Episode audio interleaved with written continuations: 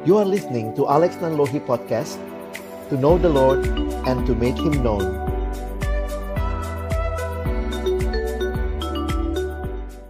Interaksi di antara kami, kami mohon ya Tuhan Biarlah ketika kami membuka firman-Mu Bukalah juga hati kami. Jadikanlah hati kami seperti tanah yang baik Supaya ketika benih firman Tuhan ditaburkan Boleh sungguh-sungguh berakar, bertumbuh Dan juga berbuah nyata di antara di dalam kehidupan kami Terima kasih Tuhan, menyerahkan waktu ke depan Tuhan yang memimpin dalam nama Yesus kami berdoa. Amin. Shalom. Shalom. Malam teman-teman sekalian.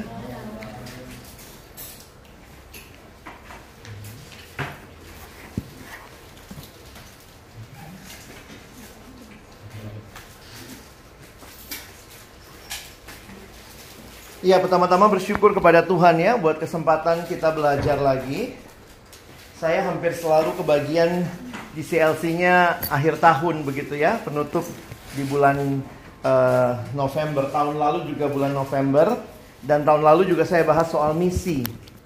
Sebenarnya sih banyak concern lain, cuma ya memang karena mungkin saya dianggapnya studinya misi ya. Saya S2-nya misiologi.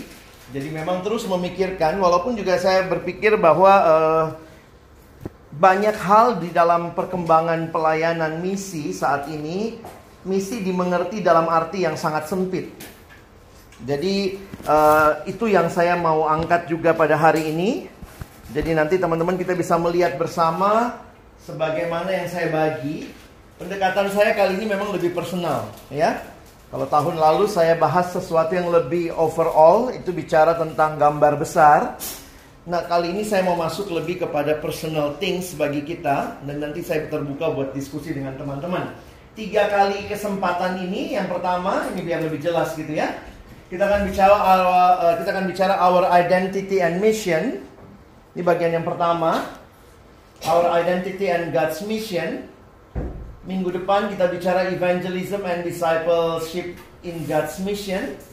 Dan yang ketiga nanti kita bicara mission building God's kingdom, tetap kita harus lihat gambar besarnya, ya. Nah, nanti apa yang akan saya bagikan ini, uh, saya memberi judul Graduates on Mission.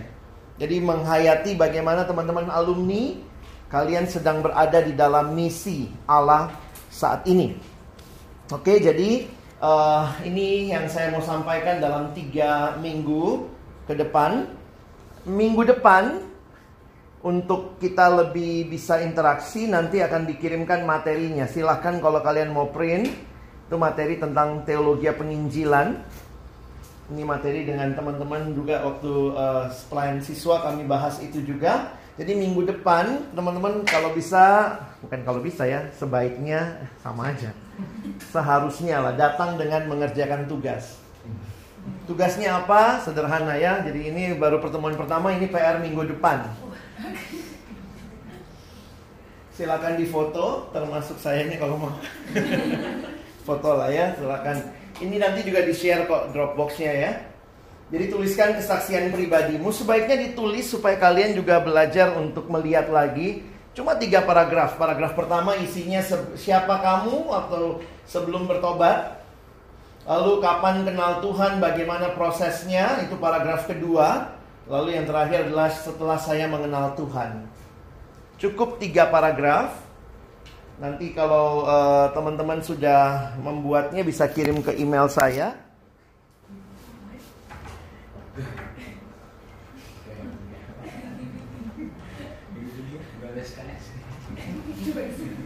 Dua SKS. Nggak kirim nggak boleh datang. uh, Saya mau kita belajar sesuatu yang lebih praktis. Maksudnya bukan cuma teori. Kalau teori sih sebenarnya baca buku juga bisa begitu ya. Tapi saya mau tolong teman-teman untuk kita belajar lebih praktis. Jadi minggu depan uh, tidak usah terlalu panjang. Jadi maksimal. Saya langsung kasih maksimal satu lembar. Jangan lebih, saya nggak baca.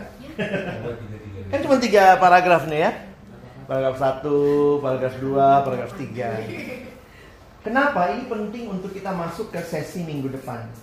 Ya, kita akan bicara soal evangelism and discipleship in God's mission dan kesaksian pribadi kita akan jadi bagian yang penting untuk kita sama-sama masuk dan mempelajari hal itu ya. Ada pertanyaan dulu sampai sini? Belum? Tidak sulit ya? Cuman ini doang kok ini kalau tentang orang lain. Uh, nanya soal ini, Ah. soal PR-nya. Ini bang, kan sebenarnya kita mengenal banget kalau misalnya dari kecil dari, udah dari lahir udah Kristen Mm-mm. artinya dari sekolah minggu udah mengenal Tuhan. Tapi kan ada masa-masa yang sebenarnya mengalami pertobatannya itu ketika Waktu sudah. Nah ini yang pertanyaan yang ini bagaimana maksudnya yang di titik pertobatan lahir baru yang silahkan tafsirkan sendiri. Jadi nanti dari dari ceritamu pun kita akan lihat dalam teologi penginjilan minggu depan kamu ada di mana. Ada orang yang jelas pertobatannya, tanggalnya pun dia tahu. Sampai harinya. Ada yang pertobatannya itu nggak terlalu jelas kapan. Tahu udah berubah aja. Nah saya pengen dengar ceritanya, saya pengen tahu supaya juga teman-teman. Makanya saya bilang coba tuliskan. Dengan kita menuliskannya kita bisa mengartikula, mengartikulasikannya atau membahasakannya dengan tepat. Ya, silakan, nggak masalah. Nanti minggu depan kita belajar lebih jauh.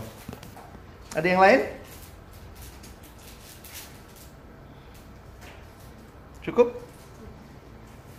Belum ada apa-apa, sudah suruh nanya ya. Email saya jelas ya, alexmanlori@gmail.com.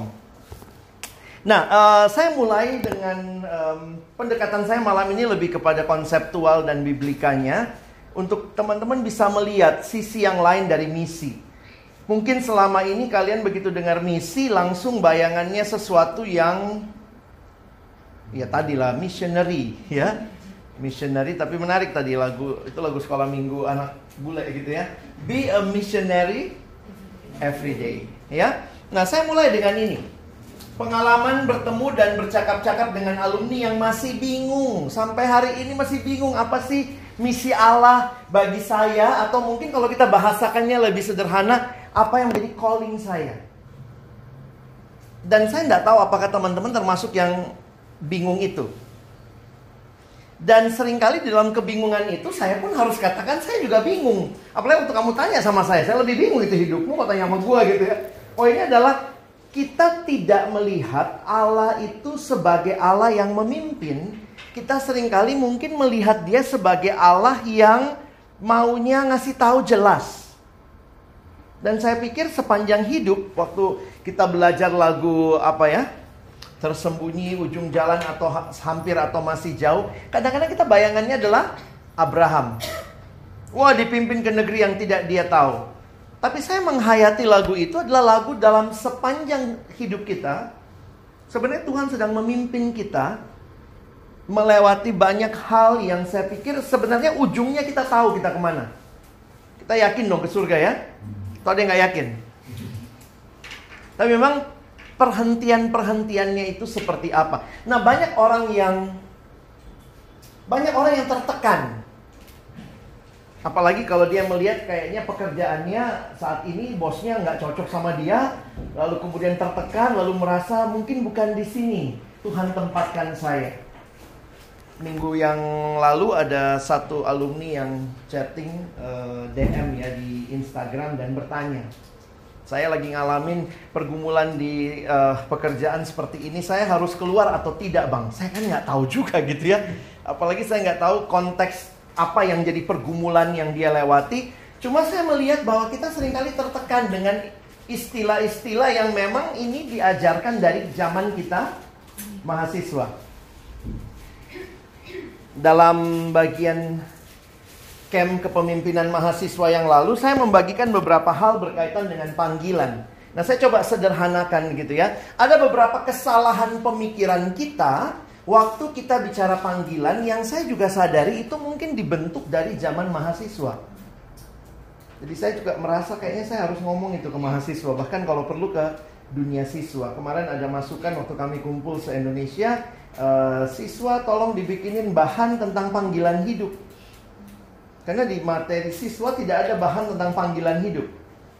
Itu baru dapat di dunia mahasiswa. Nah, sering kali waktu kita bicara misi atau saya pakai istilah yang sederhana ya, waktu kita bicara calling, kita langsung bicara calling equal job. Padahal calling is not only something about job. Waktu kita bicara panggilan, teman-teman ingat baik-baik, panggilan tidak sama dengan pekerjaan atau profesi.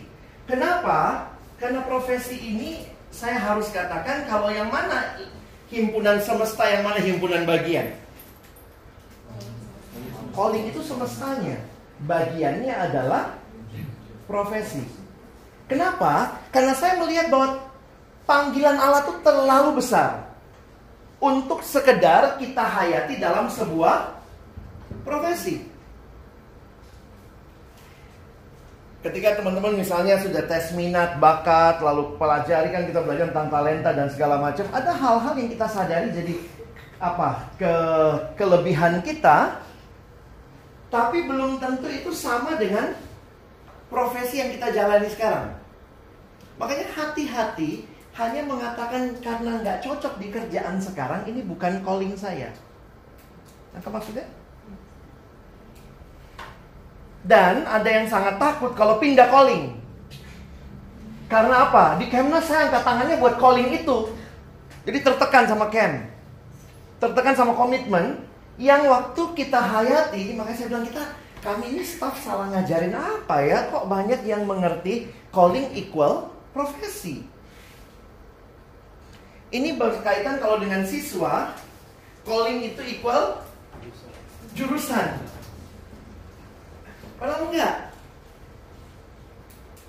Misalnya nih, uh, ada seorang teman dokter, dokter gigi, tapi dia cuma waktu dia gali salah satu yang jadi passion dia adalah melayani anak jalanan. Jadi caranya gimana? Dia jadi dokter gigi melayani anak jalanan, tetapi dalam realitanya dia juga butuh hidup. Teman-teman jangan jangan kesampingkan kebutuhan hidup ya. Sekali kalau bicara profesi lalu kemudian tiba-tiba itu jadi nggak penting begitu ya, mau hidup di surga gitu ya. Kalian di sini kan butuh uang, transportasi dan segala macam begitu ya. Nah, akhirnya dia melakukan jadi calling yang dia dapat misalnya waktu dia list gitu ya, ada beberapa hal yang menjadi passion yang Tuhan berikan kepada dia. Dan passion itu yang kemudian dia melihat dia senang bicara gigi-gigian gitu ya. Karena memang itu uh, studi yang dia ambil, tapi kemudian dia punya passion kepada anak jalanan. Nah itu nggak bisa klop karena dia waktu ambil spesialis, dia ambil spesialis uh, ke kecantikan gigi gitu ya. Ortodontis yang mana itu berkaitan dengan ya bukan anak jalanan kan yang giginya pakai behel gitu ya. Giginya di kerangkeng itu kan biasanya yang punya duit begitu. Jadi akhirnya tidak semua calling dia yang dia sadari bisa dipenuhi dengan satu profesi. Lalu apa yang dia lakukan? Dia kerja sebagai dokter gigi Senin sampai Jumat. Sabtunya dia sering jalan ke bawah rel kereta di kolong jembatan ketemu anak-anak jalanan dia beli konggoan satu kaleng duduk sama anak-anak ngobrol lalu kemudian dia bisa cerita dia berbagi sesuatu. Tidak tidak melulu penginjilan tapi dia bagi ilmu dia bagi sesuatu. Jadi dia akhirnya melihat ada hal di dalam hidup itu dipenuhi calling kita dipenuhi melalui profesi bisa juga melalui pelayanan bahkan juga bisa melalui hobi. Jadi sangat picik menurut saya kalau kita langsung melihat calling equal profesi. Apalagi jadi takut banget ganti calling. Kenapa? Ah, kamu bicara takut ganti profesi. Nah, memang paling bagusnya kalau kita maunya gitu ya adalah pekerjaan yang paling maksimal menampung calling kita. Tapi pekerjaan apa itu? Saya melihat tidak ada pekerjaan yang bisa me, apa ya, menampung semua profesi kita.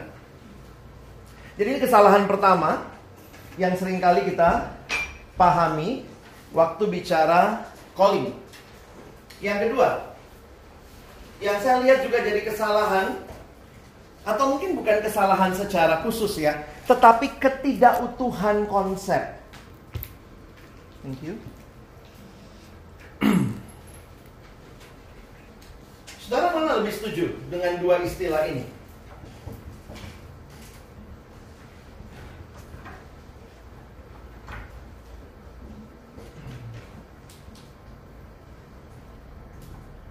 Finding God's will atau knowing God's will?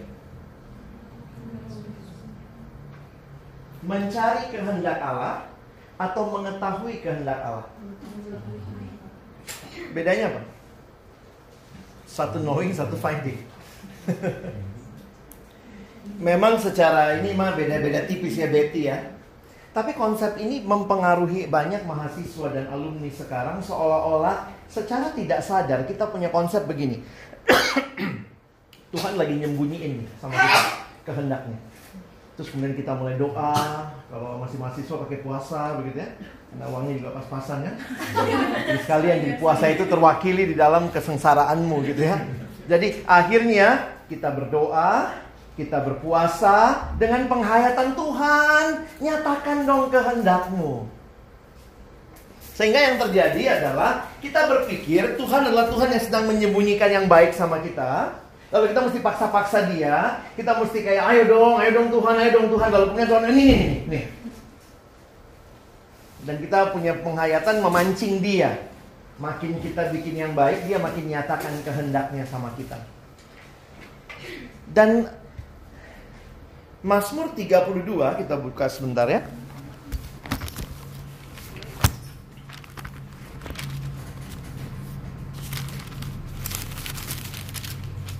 Mazmur 32 ayat yang ke-8 dan 9.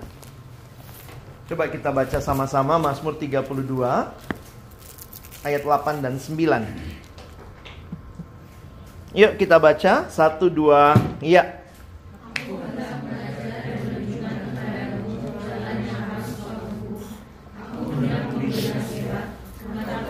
Perhatikan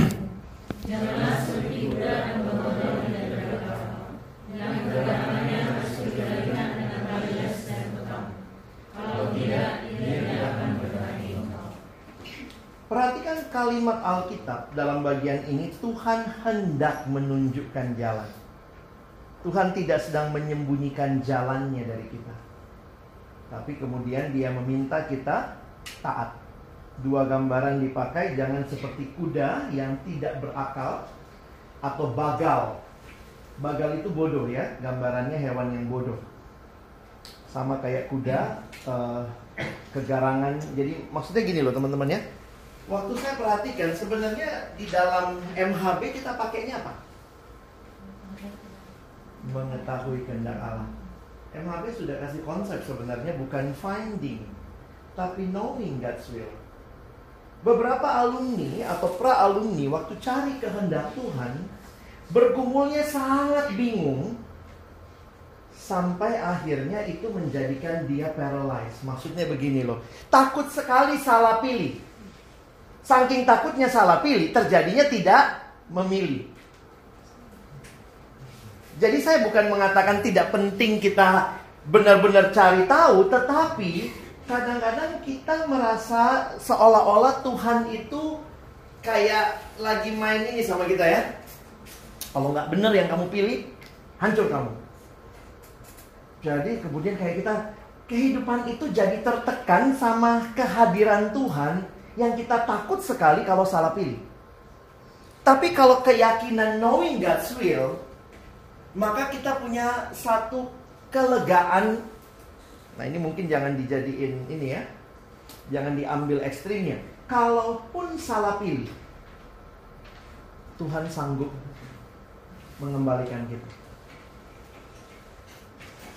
Jadi ada alumni yang nanya sama saya, Bang, saya ini ditawarin kerja ini ini ini ini. Yang mana yang harus saya pilih, Bang? Saya bilang ya udah pertimbangkan, pertimbangkan, kasih beberapa pertimbangan. Masih bingung, Bang. Ya saya bilang kalau bingung ya sudahlah. Pilih aja. Nanti salah pilih, Bang. Bagaimana kau tahu itu salah pilih atau tidak? Ya pilih dulu. Kalau udah pilih, iya salah, keluar. Tapi jangan jadi overwhelmed sampai akhirnya paralyzed sama pilihan itu. Yang kadang-kadang saya melihat kok jadinya kita yang merasa atau meyakini Tuhan membimbing, tapi kita kok tidak percaya sama Tuhan. Jadi sebenarnya konsep di balik ini yang saya takut kita mengembangkan teologi ya seolah-olah Tuhan itu sedang menyembunyikan dari kita. Nah, udah dikasih tahu kan, bagaimana untuk tahu kehendak Tuhan? Janganlah seperti kuda atau bagal yang tidak berakal. Jadi apa? Pakai pakai otak, ya? Ada otak semua. Kadang-kadang alumni-alumni so, so rohani, ya saya udah doa bang, udah puasa, tapi Tuhan nggak kasih tahu. Otakmu deh, otak gitu ya. Pakai otaknya dari jarak rumah ke kantor berapa jauh. Kalau saya ambil pekerjaan itu masih bisa pelayanan nggak? Kalau saya ambil pekerjaan itu ada akan LDR nggak sama pasangan saya? Kalau sorry bukannya nyinggung ya, itu kan keputusan-keputusan yang dalam hidup gitu ya. Karena deket pun kalau komunikasinya nggak bagus, mungkin beberapa orang LDR tapi komunikasinya bagus, apalagi sekarang dengan alat-alat yang canggih kan. Nah logikanya adalah kita sering kali nggak pakai ini nih. Karena hanya alasan ini rohani. Tuhan pimpin loh. Pendeta Stephen Tong bilang begini, seorang ibu yang anaknya sakit di tengah malam tidak butuh tanda dari langit untuk bawa anaknya ke dokter. Enggak? Kita kadang-kadang over spiritualize. Tuhan nyatakan harus ada ayatnya. Saya beberapa kali tuh nggak ada ayat ambil keputusan. Kenapa? Adanya otak yang dipimpin oleh ayat-ayat firman Tuhan. Kira-kira begitu ya. Jadi kadang-kadang gini ya, pernah nggak saat teduh tuh nggak ada nggak ada langsung gunanya hari itu. Tapi gunanya mungkin beberapa waktu yang lalu, eh yang ke depan. Jadi makanya kan kalau teman-teman punya kebiasaan mencatat atau sekarang kalian posting, kadang-kadang kan uh, unik juga ya kalau yang Facebook itu kadang-kadang buat memori balik ya, one year ago gitu ya. Walaupun kadang-kadang ada memori nggak enak gitu ya. Tapi beberapa kali yang saya posting misalnya, itu balik lagi dan loh, ini tahun lalu saya posting ayat ini misalnya. Itu bicaranya pada saat saya lihat kembali gitu. Jadi teman-teman, um, saya makin menikmati sebenarnya Tuhan sedang memimpin kita, nikmati itu. Itu satu kesukacitaan. Bukan satu ketakutan salah langkah, salah pilih. Sebenarnya beberapa kali kita tidak, kita takut salah pilih. Sebenarnya karena kita mau merasa diri kita ini orang yang tidak pernah buat salah. Sementara realita kita manusia berdosa, bahkan setelah kita jadi hamba Tuhan, setelah kita mungkin bertumbuh secara rohani, kita masih mungkin salah salah pilih. Makanya otaknya dipakai. Tentu hal-hal yang lain yang spiritual dipakai ya, firman, doa, komunitas. Saya pikir ini semua jadi penting buat kita. Oke? Yang ketiga, sering kali yang jadi masalah juga dalam kita memahami panggilan kita. Yang pertama tadi kita suka lihat calling equal job. Yang kedua, kita punya pemahaman seolah-olah Tuhan lagi nyembunyiin dari kita. Lalu yang ketiga, kita sering kali mencari sesuatu itu di luar diri kita. Um, makanya pendekatan misi saya malam ini, the mission is written in your being. Jangan takut ketika jadi gini loh kita kadang-kadang takut jadi misionaris karena takut dipanggil Tuhan ke tempat yang kita nggak mau Tuhan bapakku masih begini mamaku adik-adikku. Jadi kadang-kadang kita melihatnya ini yang ketiga gitu ya. Seolah misi itu ini mesti ada ini ya harus ada dua kutub yang tidak boleh saling kita perlu jadi seimbang. Misi itu memang meninggalkan comfort zone. Tetapi di sisi lain, misi itu juga Tuhan tidak membuat kita selamanya harus keluar dari comfort zone kita. Poin saya adalah mungkin bukan masalah comfort zone kita. Ketika Abraham dipanggil, bagi saya pemanggilan dia itu bukan sekedar bicara meninggalkan comfort zone-nya. Tetapi yang jauh lebih penting, secara spiritual kita meninggalkan maaf saya pakai istilah ini ya. Security kita. Poin sederhananya saya makin bergantung kepada Tuhan atau tidak? Jadi kalau kita cuma melihat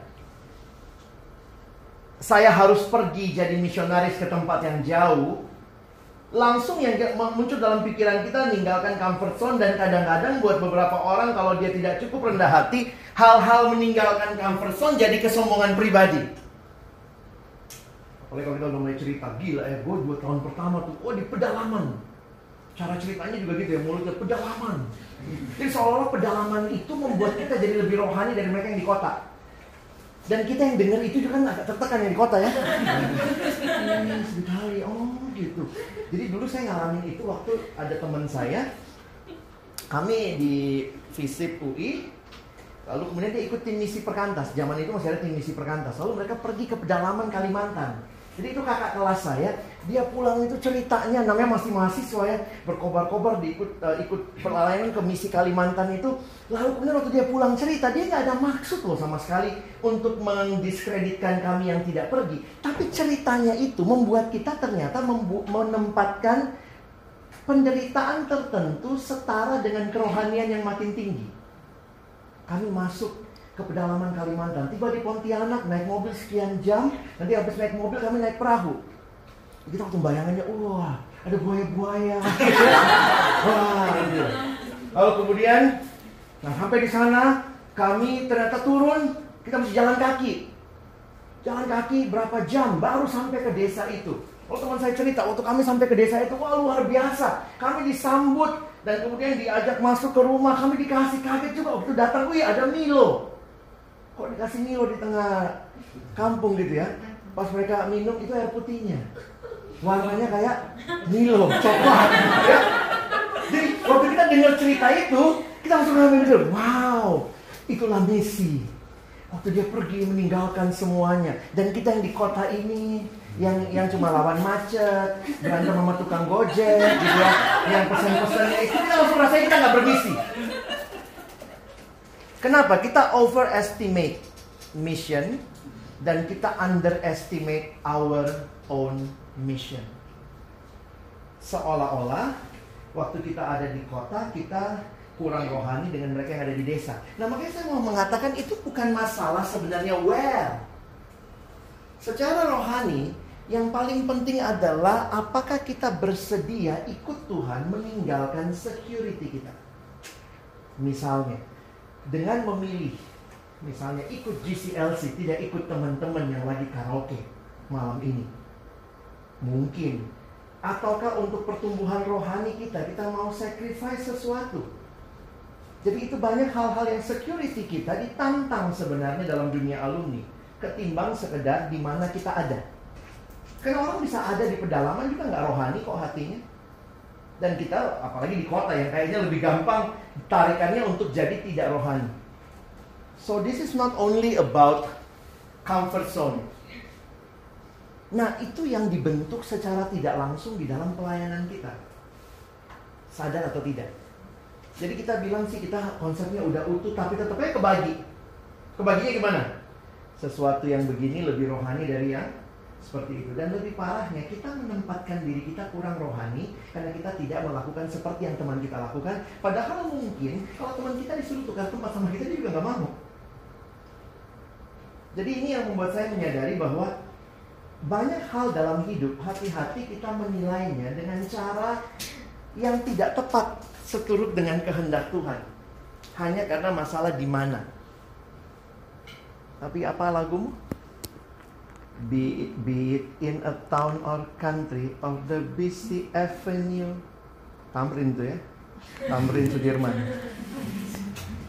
Kita sadar nggak kita di sana jadi missionary? Missionary yang tidak kalah dengan mereka yang harus berjalan berpuluh-puluh kilometer. Nah kesadaran itu yang kita perlu alami ya. Baik sampai sini mungkin ada pertanyaan tiga hal yang saya coba lihat dari kecenderungan kita yang kurang bisa memahami misi Allah. Ada pertanyaan? Nah, tapi kalau dari soal yang tadi poin ketiga Hmm. itu, kan tadi abang nekannya jangan sampai kita merasa, jadi kita underestimate apa panggilan kita gitu Hmm. dan merasa panggilan orang lain lebih tinggi kayak gitu. Tapi aku lihat justru sekarang gejalanya di, di lingkunganku sih Hmm. Kebalikannya sih mereka paham kalau memang ya tiap orang tuh punya panggilan beda-beda tidak berarti bahwa Hmm. orang-orang yang panggilannya di desa atau di pedalaman lebih tinggi daripada kita yang bekerja di kota gitu tapi justru malah terjebak di sisi ekstrem yang satunya lagi Hmm. jadi malah tidak mengerti soal meninggalkan security itu gitu bang maksudnya jadi kayak uh, apa sih maksudnya kayak mungkin gak sih bang kayak gitu maksudnya yang jadi malah nggak menantang diri gitu untuk bahwa mungkin sebenarnya ada Hmm. kemungkinan dia memang juga dipanggil untuk mengerjakan yang lebih daripada yang dia pikirkan sekarang gitu jadi terlalu justru overestimate panggilannya dia Mungkin ini bisa jadi masukan untuk kalau ke depan kita berkhotbah atau kami berkhotbah atau kalian mendampingi adik-adik di kampus, sisi-sisi ini yang diangkat. Maksudnya kayak sederhananya ini bahasa sederhananya apa? Apa artinya mengandalkan Tuhan? Itu kan bahasa sederhananya kita berani meninggalkan security kita. Dan eh, itu yang perlu ditantang terus buat alumni-alumni yang ada di kota maupun yang ada di desa.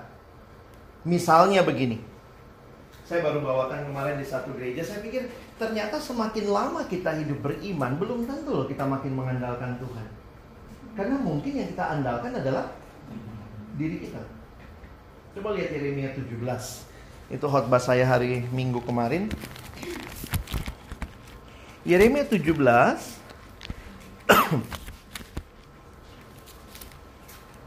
ayat 5 sampai 8. Mungkin bisa baca dari Mei ya, satu satu ayat ke Lydia, terus 5 sampai 8. Yeremia 17 ayat 5 sampai 8. Beginilah firman Tuhan, terkutuklah orang yang mengandalkan manusia, yang mengandalkan kekuatannya sendiri, dan yang hatinya menjauh daripada Tuhan. ia akan seperti semak bulus di padang belantara ia tidak akan mengalami datangnya keadaan baik ia akan tanah angus di padang gurun di negeri padang asin yang tidak berpenduduk Berkatilah orang yang mengandalkan Tuhan, yang menaruh harapannya pada Tuhan. Ia akan seperti pohon yang ditanam air yang melambatkan akar-akarnya ke tepi dapat air dan yang tidak mengalami datangnya panas terik, yang daunnya tetap hijau, yang tidak khawatir dalam tahun kering dan yang tidak berhenti menghasilkan buah. Perhatikan dua kata kunci yang dipakai. Pertama, terkutuklah. Dan yang terkutuk itu apa? Mengandalkan manusia, mengandalkan kekuatannya sendiri, dan yang hatinya menjauh dari Tuhan. Kata kunci kedua, diberkatilah orang yang mengandalkan Tuhan. Lalu ada dua gambaran dikasih. Yang satu itu gambaran kematian, ayat 6. Seperti semak bulus di padang belantara, tidak akan mengalami datangnya keadaan baik dan seterusnya. Gambaran kedua ayat 8 adalah gambaran kehidupan. Seperti pohon di mana dia ditaruh di tepi batang air sehingga dia mencapai eksistensi tujuannya sebagai pohon bahkan bisa jadi berkat. Kenapa? Apa judulnya? Lihat judul perikopnya. Jadi sebenarnya ini pergumulannya Nabi Yeremia karena bangsa itu jadi eh, kepada Yehuda diperingatkan, akhirnya mereka dibuang juga ya. Tetapi pergumulannya kalau teman-teman lihat itu dosa-dosa mereka. Apa saja dosanya? Ayat 1 sampai 4 itu dosa berhala. Mereka menyembah berhala.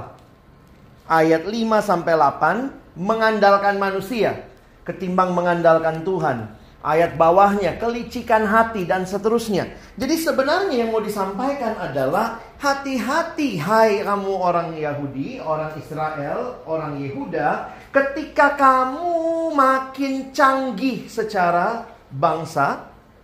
Nanti kalian perhatikan, raja terakhir Yehuda sebenarnya itu kerajaannya lagi aman-aman aja. Dalam arti begini, prosperity mereka alami. Tetapi di tengah-tengah prosperity yang mereka alami, kalau kita lihat nubuat kelahiran Yesus, itu kan datangnya mereka cari pertolongan justru kepada Mesir, mengandalkan manusia. Dan itu membuat kita menyadari ternyata kita nih harus selalu ditantang tentang siapa yang kita andalkan. Ada tiga hal yang biasanya jadi andalan manusia. Perhatikan Yeremia 9, 23, 24. Yeremia 9 23 24. Yuk baca sama-sama. Sat, eh, atau boleh lanjut deh yang tadi bagiannya selanjutnya ya. Yeremia 9:23 beginilah firman Tuhan. Janganlah orang bijaksana bermegah karena kebijaksananya, janganlah orang kuat bermegah karena kekuatannya, janganlah orang kaya bermegah karena kekayaannya. Tetapi siapa yang mau bermegah, baiklah bermegah karena yang berikut bahwa ia memahami dan mengenal aku bahwa akulah Tuhan yang menunjukkan kasih setia keadilan dan kebenaran di bumi sungguh semuanya itu kusukai demikianlah firman Tuhan Teman-teman bisa pahami ini? Tiga hal yang jadi kekuatan atau keandalan manusia. Kebijaksanaan, kekuatan, kekayaan. Nah, kepada alumni-alumni yang ada di kota besar yang mungkin andalannya ada di sisi-sisi seperti itu. Apa yang harus dihotbahkan? Andalkan Tuhan. Apa artinya andalkan Tuhan? Ayat 23 memberikan kita pemahaman andalkan Tuhan. Apa itu? Memahami dan mengenal aku. You need to know God more and to trust Him more. Mengandalkan itu dalam bahasa lain equal trust. Ya, mengandalkan itu bicara trust. Nah, perhatikan baik-baik. Kebiasaan hidup kita di kota dengan segala kemajuannya bisa secara tidak sadar menggeser Tuhan. Jadi ini pengalaman waktu saya datang ke satu desa di Klaten dengan tim misi dari kampus dari UI dulu. Kami anak-anak tim misi dari FISIP lalu datang ke satu desa di Klaten. Kami tinggal di sana satu minggu. Kami datang kunjungan ke rumah-rumah jemaat waktu itu. Biasalah mahasiswa dari Jakarta rasanya punya banyak hal mau bagikan kepada ibu-ibu sederhana nih ya. Bodoh-bodoh begitu ya, orang desa. Nah waktu itu kami datang ke satu rumah, saya ingat sekali kita ketuk rumah itu lama banget baru ibunya datang buka. Pas dia buka tuh dia baru bangun rambutnya masih acak-acakan. Kami disuruh masuk mari om masuk om gitu ya. Kami semua dipanggil om. Malah masih mahasiswa gitu ya. Terus kemudian ya kita disuguhkanlah makanan kecil minuman. Eh, lalu kemudian saya ingat sekali sebelum pulang Pak Pendeta minta saya mendoakan ibu itu. Lalu kemudian kita suruh lah, Bu, apa yang mau didoain? Terus kemudian dia sharing dengan bahasa Indonesia yang terbata-bata. Dia bilang, e, saya bersyukur Om. E, tadi, tadi pagi kepala saya sakit sekali.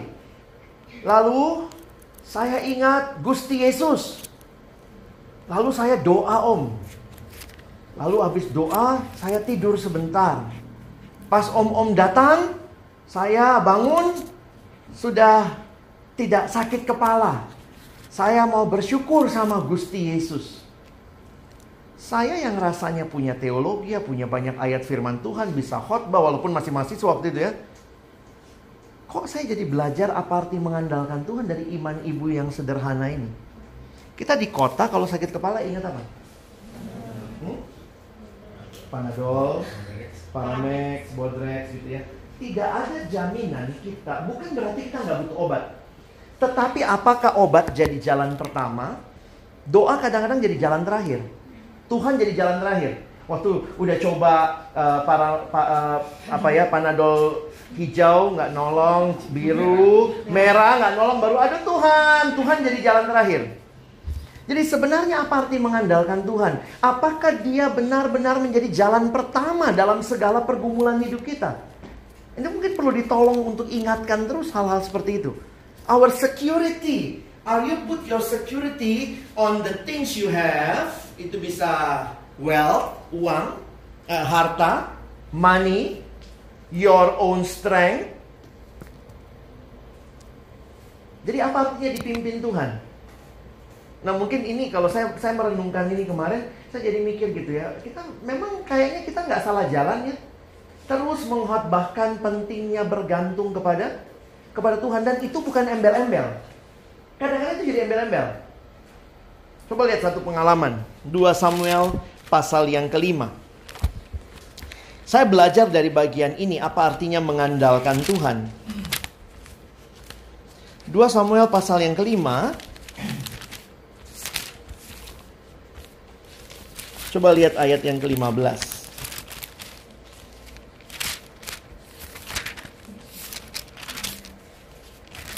Judulnya apa? Ayat 17. Daud memukul kala orang Filistin. Tolong baca sampai ayat yang ke-21 dulu. Silakan. Lanjut ya yang tadi.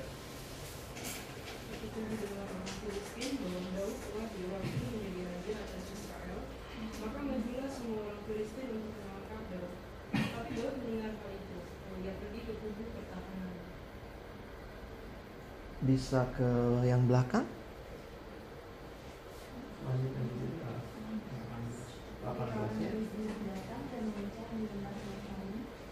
Bertanyalah Daud kepada Tuhan, apakah aku harus maju melawan orang Filistin itu?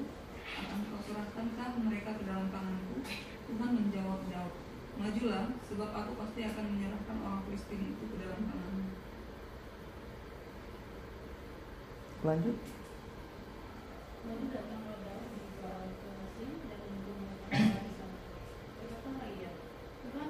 telah mengutus musuhku dari aku sebagai air penerus. Sebab itu orang memakan menamakan tempat itu Baal Perasim. Orang Filistin itu meninggalkan berhalanya di sana, lalu Daud dan orang-orangnya menyerangnya. Perhatikan tiga hal menarik. Pertama, musuhnya adalah orang Filistin.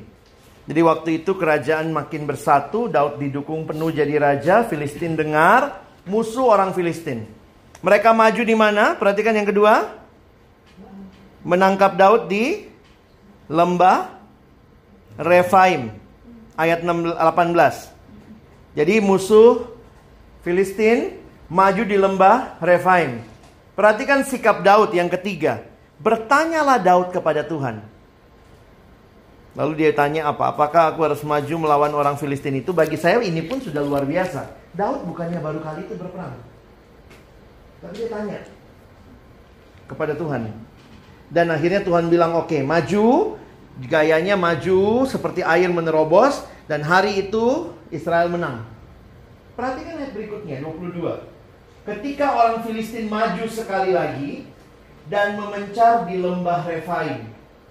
Musuh sama, tempat perang sama. Sikap Daud luar biasa lagi. Maka bertanyalah Daud kepada Tuhan. Teman-teman saya waktu pikirin begini ya. Ampun Daud kenapa nanya lagi sih? Kita bisa aja maju sama pengalaman kan? Tapi saya jadi mengerti orang yang mengandalkan Tuhan, orang yang tidak hanya maju berdasarkan pengalaman. Pengalaman penting, penting. Pengalaman ngajarin kita sesuatu pasti. Tetapi kalau kita hanya dipimpin oleh pengalaman, lama-lama makin kita pengalaman, makin kita rasa tidak butuh Tuhan. Persis seperti yang dikatakan tadi, terkutuklah orang yang mengandalkan kekuatannya sendiri. Jadi jangan-jangan kita makin lama di pelayanan makin gak ngandalin Tuhan loh. Kenapa udah seksi acara 40, 40 kali kok? Udah tahu cara bikin tema. Udah ngerti. Jadi ada doa nggak? Ada, tapi basa-basi. Supaya ada doa karena ini kan Kristen. Lamanya kita melayani Tuhan tidak equal sama kita mengandalkan Tuhan. Karena bagi saya, apa artinya mengandalkan Tuhan adalah tetap belajar percaya kepada Tuhan di dalam hal yang paling sederhana. Jadi doa yang seperti apa? Doa yang tidak basa-basi, doa yang benar-benar memohon Tuhan memimpin. Saat teduh yang seperti apa? Saat teduh yang benar-benar berkata, Tuhan bicaralah padaku hari ini. Itu yang harusnya kayaknya dibangun di kalangan kita semua. Dan Tuhan tuh, aduh Tuhan kreatif saudara ya, Tuhan anti mainstream ya. Waktu Daud tanya, Tuhan bilang apa? Janganlah maju. Tuhan bilang, aduh itu pakai gaya lama. Oh, jangan ah. Sekarang agak melingkar ya. Wah Tuhan kreatif saudara. Janganlah maju, buatlah gerakan lingkaran sampai ke belakang mereka. Sehingga engkau dapat menyerang mereka dari jurusan pohon-pohon kertau. Dan bila engkau mendengar bunyi derap langka di puncak pohon-pohon kertau itu, maka haruslah engkau bertindak cepat. Sebab pada waktu itu Tuhan telah keluar berperang di hadapan di depanmu untuk memukul kala tentara orang Filistin. Ini peperangan siapa? Peperangan Tuhan. Daud tanya kepada Tuhan. Kalau itu cuman peperangannya Daud, Daud pakai pengalaman cukup our life is in a mission from God. We always need to ask God day after day. Kita tanya bukannya basa-basi gitu ya. Kita orang Kristen sebelum kerja ya doa gitu ya. Tapi apakah doa-doa kita tuh segar gitu? Oh Tuhan saya mengharapkan. Kenapa? Karena sering kali yang ditantang security kita. Apalagi ini bagi saya Mungkin Daud bilang, Tuhan yang kemarin gaya kemarin tuh air menerobos. Asik loh. Dia bilang, enggak Ut, coba pakai gaya lain. Gaya yang mungkin bagi Daud, hah? Keliling, buang waktu banget sih. Tapi pengalaman itu, itulah indahnya proses dipimpin Tuhan. Kalau kita percaya sama Tuhan, kita pun akan menikmati. Dan kadang-kadang itu nggak bisa diukur dengan pikiran ya. Masih ingat Israel keluar dari Mesir, di depan laut Tebrau, di belakang tentara Mesir udah deket.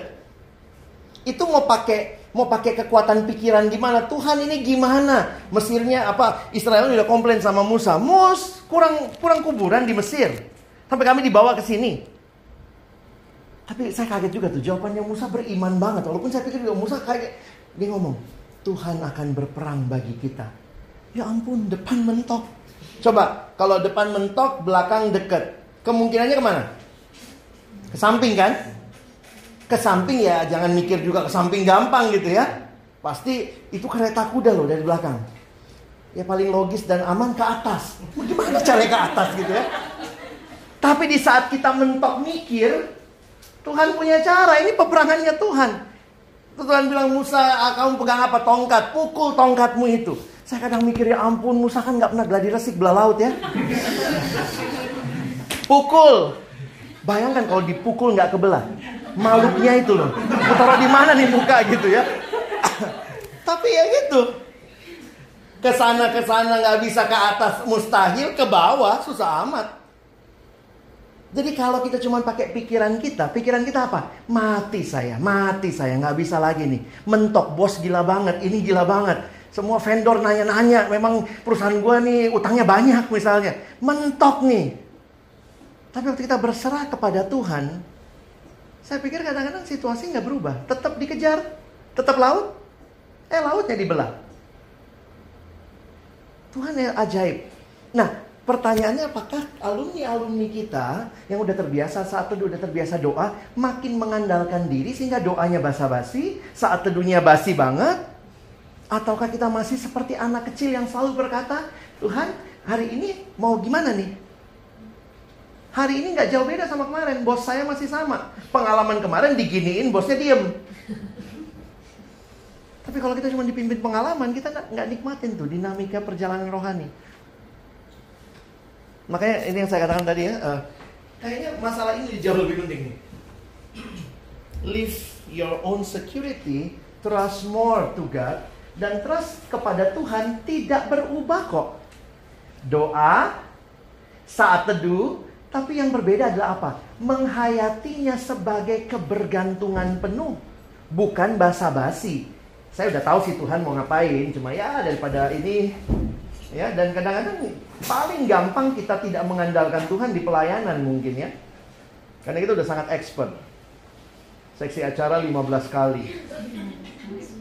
Seksi doa gitu ya. Jadi kadang-kadang memang itu udah Mungkin kalau kita tanya alumni-alumni kita, kakak senior kita yang dulu kalau cari tema itu ya Puasa satu minggu, berdoa sama-sama Tuhan nyatakanlah kehendakmu Begitu udah jadi, kita copy paste dari generasi ke generasi Ubahnya depannya aja ubah MKJ mahasiswa uh, menjelaskan kepada jemaat MKJ gitu ya. Kadang-kadang saya pikir iya ya, jangan-jangan kita kehilangan kebergantungan penuh kepada Tuhan. Kita cuma membungkus kekuatan pengalaman manusiawi kita. Kita bungkus dengan apa? Dengan doa dan firman. Oke, bisa dipahami ya? Saya lanjut sedikit dulu ya. Um, waktu bicara calling, sebenarnya juga satu aspek yang penting saya juga udah bicarakan tadi kita udah banyak bicara. Waktu bicara calling, panggilan jangan lupa. Kalau bicara panggilan berarti ada yang manggil. Setiap kali bicara panggilan langsung kita bilang mau jadi apa ya? Mau jadi apa ya? When the Bible talk about the calling, it's talk about the caller first. Siapa yang memanggil? Osginus bilang there is no calling unless there is a caller. Dari kitab suci kita tahu bahwa panggilan itu dari Allah, sang pencipta kita. Panggilan hidup juga berarti panggilan untuk hidup sesuai kehendak Allah. Penghayatan ini penting di tengah-tengah kita sibuk lebih sibuk dengan memikirkan saya mau jadi apa. Makanya kalimat berikut penting. We are called first and foremost to someone before it is to be and to do something. Kita dipanggil kepada seseorang. Itu perlu kita hayati dengan dalam sebelum bicara kepada sesuatu atau sebuah pekerjaan. Nah, kenapa saya harus menjelaskan ini? Karena tema saya malam ini adalah bicara identitas kita terkait dengan misi Allah bagi kita. Kita perlu menikmati, menemukan atau sorry ya, bukan menemukannya, menikmati, menghayati panggilan kita dalam konteks kita sadar kita dipanggil kepada Allah dan melihat bagian kita di dalam misinya Allah. Saya lanjutkan kalimat ini ya, ini kutipan-kutipannya. We ask to know the will of God without guessing that His will is written into our very being. Teman-teman mesti sadar juga bahwa sering kali kehadiran kita dengan seluruh bakat talenta karunia itu sudah menjadi indikasi apa yang Allah mau bagi saudara di dalam misi. Banyak kali kita mau karunia orang. Kita pikir saya bisa efektif dalam misi kalau saya punya karunia kayak dia. Tapi ternyata seorang bernama Marta bisa efektif dengan karunia seksi konsumsinya dalam misi Allah. Marta nggak pernah khotbah kayak Petrus. Nah, itu sudah written in our very being. Karena itu, waktu kita menggali tentang identitas kita, ini terkait juga nanti dengan bagaimana itu bisa dipakai di dalam misinya Allah. Tesis saya malam ini adalah kalimat ini. Our mission is not only divine by what we do, but by who we are in Christ. Jadi sebenarnya saya cuma mau jelasin ini malam ini ya. Beberapa bagian yang saya jelaskan sebagai penjelasan itu berkaitan dengan uh, bagaimana memahami kalimat ini. Karena juga waktu bicara misi atau mungkin bahasa sederhananya buat alumni adalah panggilan, kita langsung bicara apa yang saya lakukan. Belum lagi tadi ternyata sesuatu yang dilakukan seseorang sering kali dianggap lebih tinggi dari apa yang dilakukan orang lain karena cara pandang kita meng, meng apa overestimate beberapa profesi tertentu. Selama profesinya tidak mengikat dalam dosa, harusnya itu adalah bagian yang dipakai Tuhan. Sehingga kalau Martin Luther dan Calvin mengatakan bahwa ibu rumah tangga atau misalnya dia bilang carpenter, seorang pengrajin kayu melayani Tuhan dengan kerajinan kayu yang dia kerjakan. Dan jangan lupa waktu Martin Luther ataupun si Calvin ngomong begitu, itu terkait dengan pada waktu itu seseorang itu equal jobnya. Makanya kalau kita lihat di bule-bule sana zaman itu kan, misalnya ada yang namanya Mary Baker, berarti dia dari keturunan pembuat roti. Jadi itu kan melekat pada identitasnya. Blacksmith, berarti dia pengrajin ini ya, uh, tembaga begitu. Jadi itu terkait, makanya waktu saya membaca kalimat Luther dan Calvin bahwa sebenarnya waktu dia mengerjakan, dia melakukan pekerjaannya dengan baik, dia sedang melayani Allah dengan bagian itu. Itu terkait dengan kehadirannya ya. Our mission is not only divine but what we do, but by who we are in Christ. Nah kita bicara lebih mendasar lagi tentang keberadaan kita dalam Kristus. Ternyata keberadaan kita dalam Kristus itu sudah otomatis satu paket dengan kehadiran kita sebagai misionaris.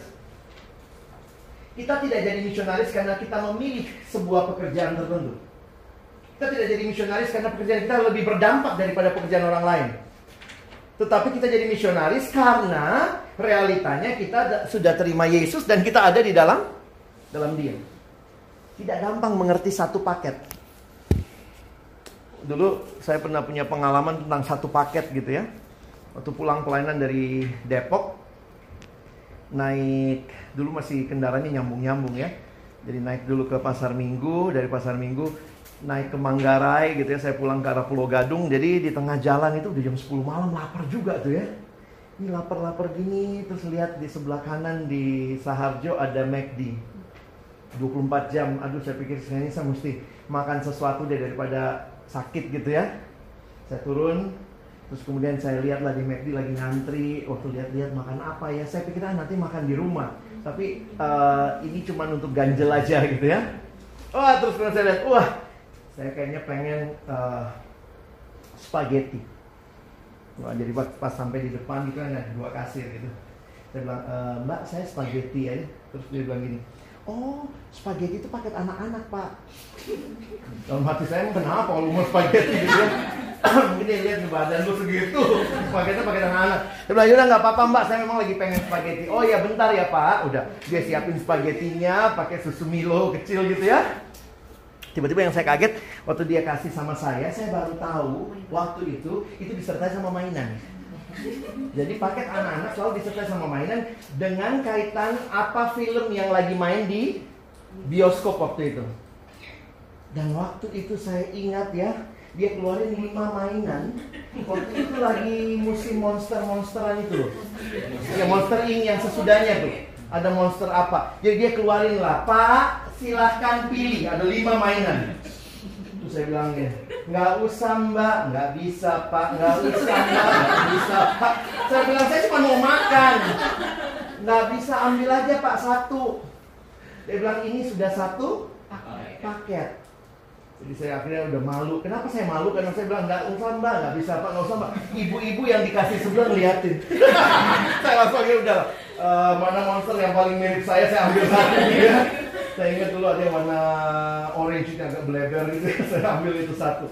Di sini saya jadi sadar yang namanya satu paket, nggak terpisah. Kita nggak bisa bilang Tuhan, saya cuma mau di dalam Engkau, saya tidak mau menjadi orang yang melakukan misimu. Jadi sekali lagi orang tidak jadi misionaris karena pilihan jenis pekerjaan atau karena pilihan pergi ke tempat mana. Dan kalau kita sadari kita adalah misionaris, ini Timothy Keller ya, maaf agak botak, botak ya. Missionary, dia mengatakan itu seperti ambassador. Missionary is someone who shows something. Jesus is a missionary from God because he shows God to man. Coba baca Yohanes 1:18. Yohanes 1:18 silakan.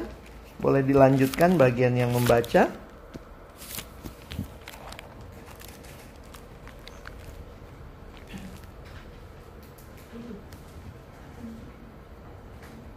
Yohanes 1 ayat 18 tidak seorang pun yang kenal melihat Allah tapi anak penggembala Allah yang dari bangsa Bapa dialah yang menyatakan Dialah yang menyatakannya. Nah, karena itu malam ini kita mau coba melihat apa artinya eh, panggilan misi itu terkait dengan keberadaan kita dari teladan Yesus sendiri. Apalagi bagi kita yang sudah terima Yesus gitu ya. Malam ini kita akan belajar sebagai bagian eh, utama yang saya mau sampaikan dari Yohanes 17 ayat 13 sampai 19. Saya harap bisa jelaskan ini. Setelah itu nanti kita bisa tanya jawab ya. Yuk kita lihat ayatnya. Saya ambil ayatnya ada di atas sini aja. Teman-teman boleh eh, lihat juga atau mau baca di eh, HP-mu atau Alkitabmu silakan ya. Bisa lanjut ke depan? Tetapi sekarang aku datang kepadamu dan aku mengatakan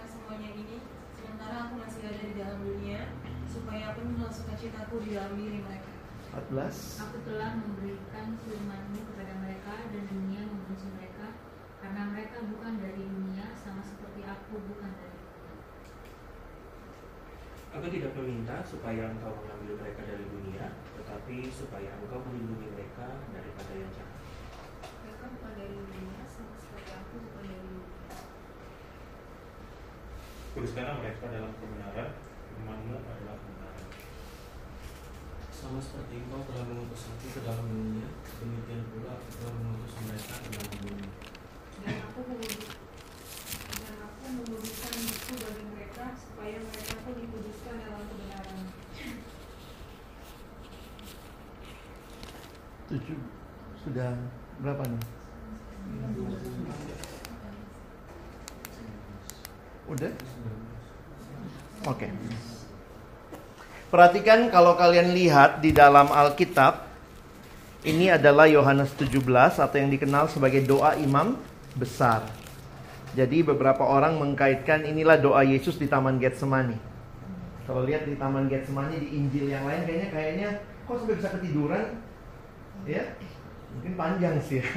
Ada yang bilang kalau cuma gitu uh, berjaga-jagalah lalu pergi bentar, balik lagi. Masa udah bobok sih gitu ya? Apa Petrus menempil tidur kan? Tapi kalau lihat memang ini jadi doa Yesus yang panjang. Yohanes mencatat sebagai doa imam besar bagian awal ayat 1 sampai ayat yang kelima. Doa Yesus bagi misinya. Lalu uh, dalam konteks ini ya, misi untuk memuliakan Bapa. Jadi dia berdoa bagi kemuliaan Bapa ayat yang ketiga kalau kita baca ya, eh, ayat yang keempat. Aku telah mempermuliakan engkau di bumi dengan jalan menyelesaikan pekerjaan yang engkau berikan kepadaku untuk melakukannya. Perhatikan ayat 5. Oleh sebab itu ya Bapa, permuliakanlah aku padamu sendiri dengan kemuliaan yang kumiliki di hadiratmu sebelum dunia ada. Yesus berdoa bagi kemuliaan Bapa dan bagi misinya. Ini bagian pertama doanya. Yang kedua, ayat yang ke-6. Aku telah menyatakan namamu kepada semua orang yang engkau berikan kepadaku dari dunia. Ini doanya untuk 12 murid. Tentu waktu itu tinggal 11 ya. Karena Yudas sudah jalan duluan untuk ngasih tahu ke orang-orang uh, Farisi uh, atau ahli Taurat. Nah, lalu nanti ayat 20 perhatikan ya. Dan bukan untuk mereka ini saja aku berdoa, tetapi juga untuk orang-orang yang percaya kepadaku oleh pemberitaan mereka. Jadi Yesus juga berdoa untuk kita. Jadi makanya kalau kita menghayati ini luar biasa ya. Kalau PKK kita lupa doain, Yesus tetap doain kita gitu ya.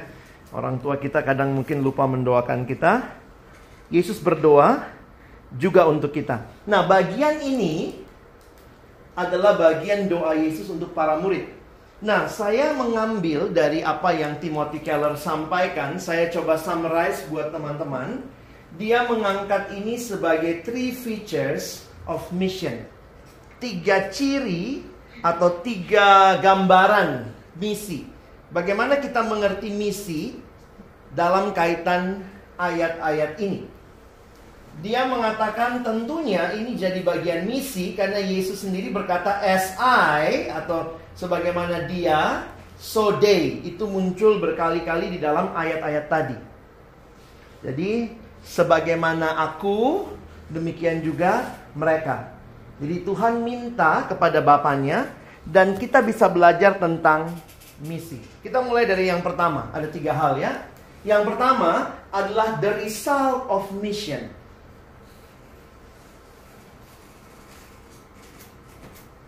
Kita mulainya dari akhirnya nih. Apa sih akhirnya misi?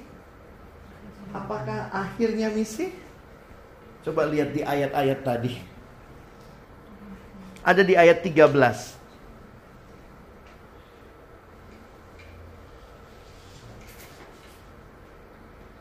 Kira-kira apa?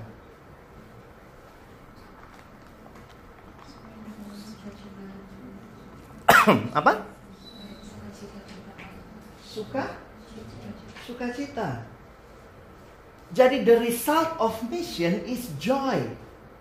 Oh teman-teman waktu saya menghayati ini waktu dengar pertama kali gitu ya. Wow.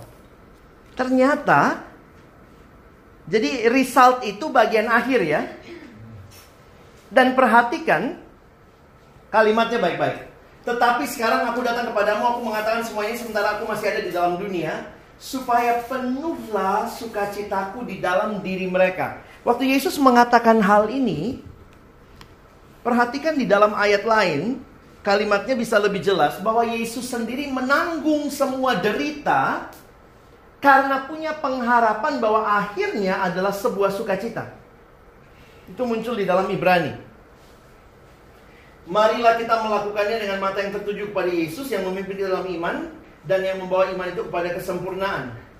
Yang dengan mengabaikan kehinaan tekun memikul salib ganti sukacita yang disediakan bagi kita. Sebenarnya kata ganti di situ membuat agak blur ya arti ayatnya. Karena bahasa Inggrisnya dipakai istilah for the sake of joy. Makanya terjemahan bahasa Indonesia masa kini lebih jelas. Yesus tahan menderita di kayu salib. Ia tidak peduli bahwa ia mati di kayu salib itu adalah suatu hal yang memalukan. Ia hanya ingat akan kegembiraan yang dirasakannya kemudian. Maksudnya apa? Teman-teman di dalam hidup ini banyak orang yang kejar sukacita. Maunya sukacita, maunya senang. Tapi kesenangan yang ditawarkan oleh semua hal yang tadi, yang sementara, itu pasti ada batasnya. Tetapi kesenangan yang ditawarkan oleh Allah sebagai bagian akhir dari sebuah misi itu membawa sukacita yang tidak terkatakan sampai-sampai bayangkan begini ya. Yesus ini rela menderita karena tahu sukacitanya besar banget. Yesus rela dalam satu misi memenangkan dunia ini World Save Mission for the sake of joy. Dan ini kalau kita coba hayati, saya ambil perbandingannya begini kali teman-teman ya. Kadang-kadang kita suka merasa pernah nggak sih merasa bahwa uh, kita tuh paling tertekan kalau pekerjaan kita itu tidak jelas apa fungsinya, apa gunanya. Jadi Timothy Keller bilang begini, kenapa kita senang, obses dengan film superhero ya? Pernah nggak nonton film superhero lalu ketika berhasil menyelamatkan dunia Superman? Saya ingat waktu nonton film apa itu ya superhero yang mana itu? Setelah selesai ceng ceng ceng gitu ya. Zaman dulu kan biasanya selesainya triumph ya. Kalau sekarang kan selesainya suka agak gantung. Nanti ada sik biar ada sequelnya. Tapi zaman dulu tuh waktu kemudian kalah tuh uh, penjahatnya satu bioskop kita begini semua kenapa why all of us have a ten apa ya uh, satu kecenderungan kita senang dengan superhero story tentang to save the world. Dan bahkan kita sendiri merasakan kalau pekerjaan kita save the world, that's bring joy. Nah itu karena memang Allah yang menciptakan kita, Allah yang mempunyai misi bagi kita, supaya kita menyelamatkan dunia. Bukan kita tentunya yang menyelamatkan. Tapi ketika Tuhan menghadirkan kita dalam dunia ini, karena Yesus yang punya sukacita yang besar ketika pekerjaan keselamatan itu digenapkan, maka waktu saudara dan saya diutus dalam misi yang sama dari Yesus, maka ada satu tujuan akhir, ada sukacita besar yang tidak tergantikan melihat hidup orang yang berubah, melihat orang yang dari rusak jadi benar, itu sukacitanya tidak tergambarkan. Dan bahkan untuk demi sukacita itu, baik yang kita sudah rasakan atau nanti kita rasakan, kita rela kerja kerja keras. Kenapa? Ada satu hal yang menarik dalam film-film superhero. Selalu mereka tidak pikirkan dirinya sendiri. Kalau kamu mau hidup dalam misi, maka tentunya itu bukan untuk dirimu sendiri. Kalau misi itu untuk dirimu sendiri, maka terlalu kecil. Perhatikan selalu orang mau menyelamatkan bangsa, menyelamatkan ideologi, menyelamatkan keluarga. Dan ada satu keselamatan yang luar biasa yang Yesus berikan. He is the real super hero. Jadi orang yang hidup dalam misi, yang mengerti sukacita terakhirnya adalah sukacita yang diberikan oleh Allah, itu adalah orang yang hidup bukan untuk dirinya sendiri. Bukan mati-matian untuk diri sendiri. Tapi mati-matian untuk orang lain. Dan saudara dan saya, kita bisa hidup mati-matian buat siapa? Buat Tuhan yang sudah kasih hidupnya buat buat kita. We have a mission. Bahasa lain dipakai istilah we have something to die for. Kalau kamu hanya mau mati buat dirimu, it's just too small. Tapi waktu kamu bisa mati untuk orang lain, Sebenarnya di situ ada satu hal yang yang membawa kita dalam misi yang luar biasa nih. Tapi jauh lebih lagi Tuhan tidak minta kita mati, dia sudah mati bagi kita. Karena itu kalimat ini disimpulkan sama Timothy Keller. Perhatikan baik-baik. A lack of joy in your life is due to a lack of mission. Human beings need mission. We are built for mission. Apa tujuan Tuhan ciptakan kita? Kalau Tuhan cuma ciptakan kita dari Taman Eden untuk hidup bagi diri kita sendiri, saya pikir dia Tuhan yang paling gagal. Dia tidak berikan kita misi, tetapi dia menciptakan kita to flourish, beranak cucu, bertambah banyak, penuhilah bumi, taklukkanlah itu. Ada misi Allah. Dan misi itu diberikan kepada kita. Dan hasilnya adalah joy. Jadi sebenarnya kalau teman-teman mengerjakan sesuatu dalam pekerjaanmu sekarang lalu saat waktu bisa accomplish itu kita senang, sebenarnya itu gambaran seluruh hidup kita adalah sebuah misi yang di mana akhirnya itu the joy from God. Ah ini mengerti ini memang menarik nih ya. Banyak alumni kan gitu. Di pekerjaan kenapa ya saya nggak dapat sukacita ya? Mungkin kamu lagi hidup buat dirimu. Kamu nggak sadar, you are on a mission. Lihat bos komplain, lihat rekan kantor komplain. Bukan berarti kita nggak boleh komplain, tapi hati-hati jangan-jangan kita sedang hidup untuk ambisi pribadi kita. Kita tidak punya something to die for. Waktu saya sadari ini saya jadi mikir saya mesti bicara sama teman-teman Kasih tahu sama kalian Kalau kamu tidak hayati dirimu sebagai bagian dari misi Allah dalam dunia ini Mungkin kamu akan jadi orang yang sengsara dan menderita Karena selalu merasa tidak mencapai apa-apa. Perhatikan kalimat ini ya. Not my need first But we live for God's saving mission for the world kita masih hidup untuk misi Allah menyelamatkan dunia ini? Tentu bukan kita juru selamatnya, tapi kita membawa orang memperkenalkannya kepada juru selamat. Kita sedang menghidupi sebuah cerita superhero yang more than any other. Kalau untuk cerita superhero dunia kita selalu berdiri dan berkirim aplaus yang luar biasa. Apalagi kita tahu ada sukacita yang disediakan bagi kita. Jadi semua cerita superhero itu cuma menggemakan manusia itu memang dicipta dengan keinginan untuk melakukan hal yang besar. Dan itu adalah misi.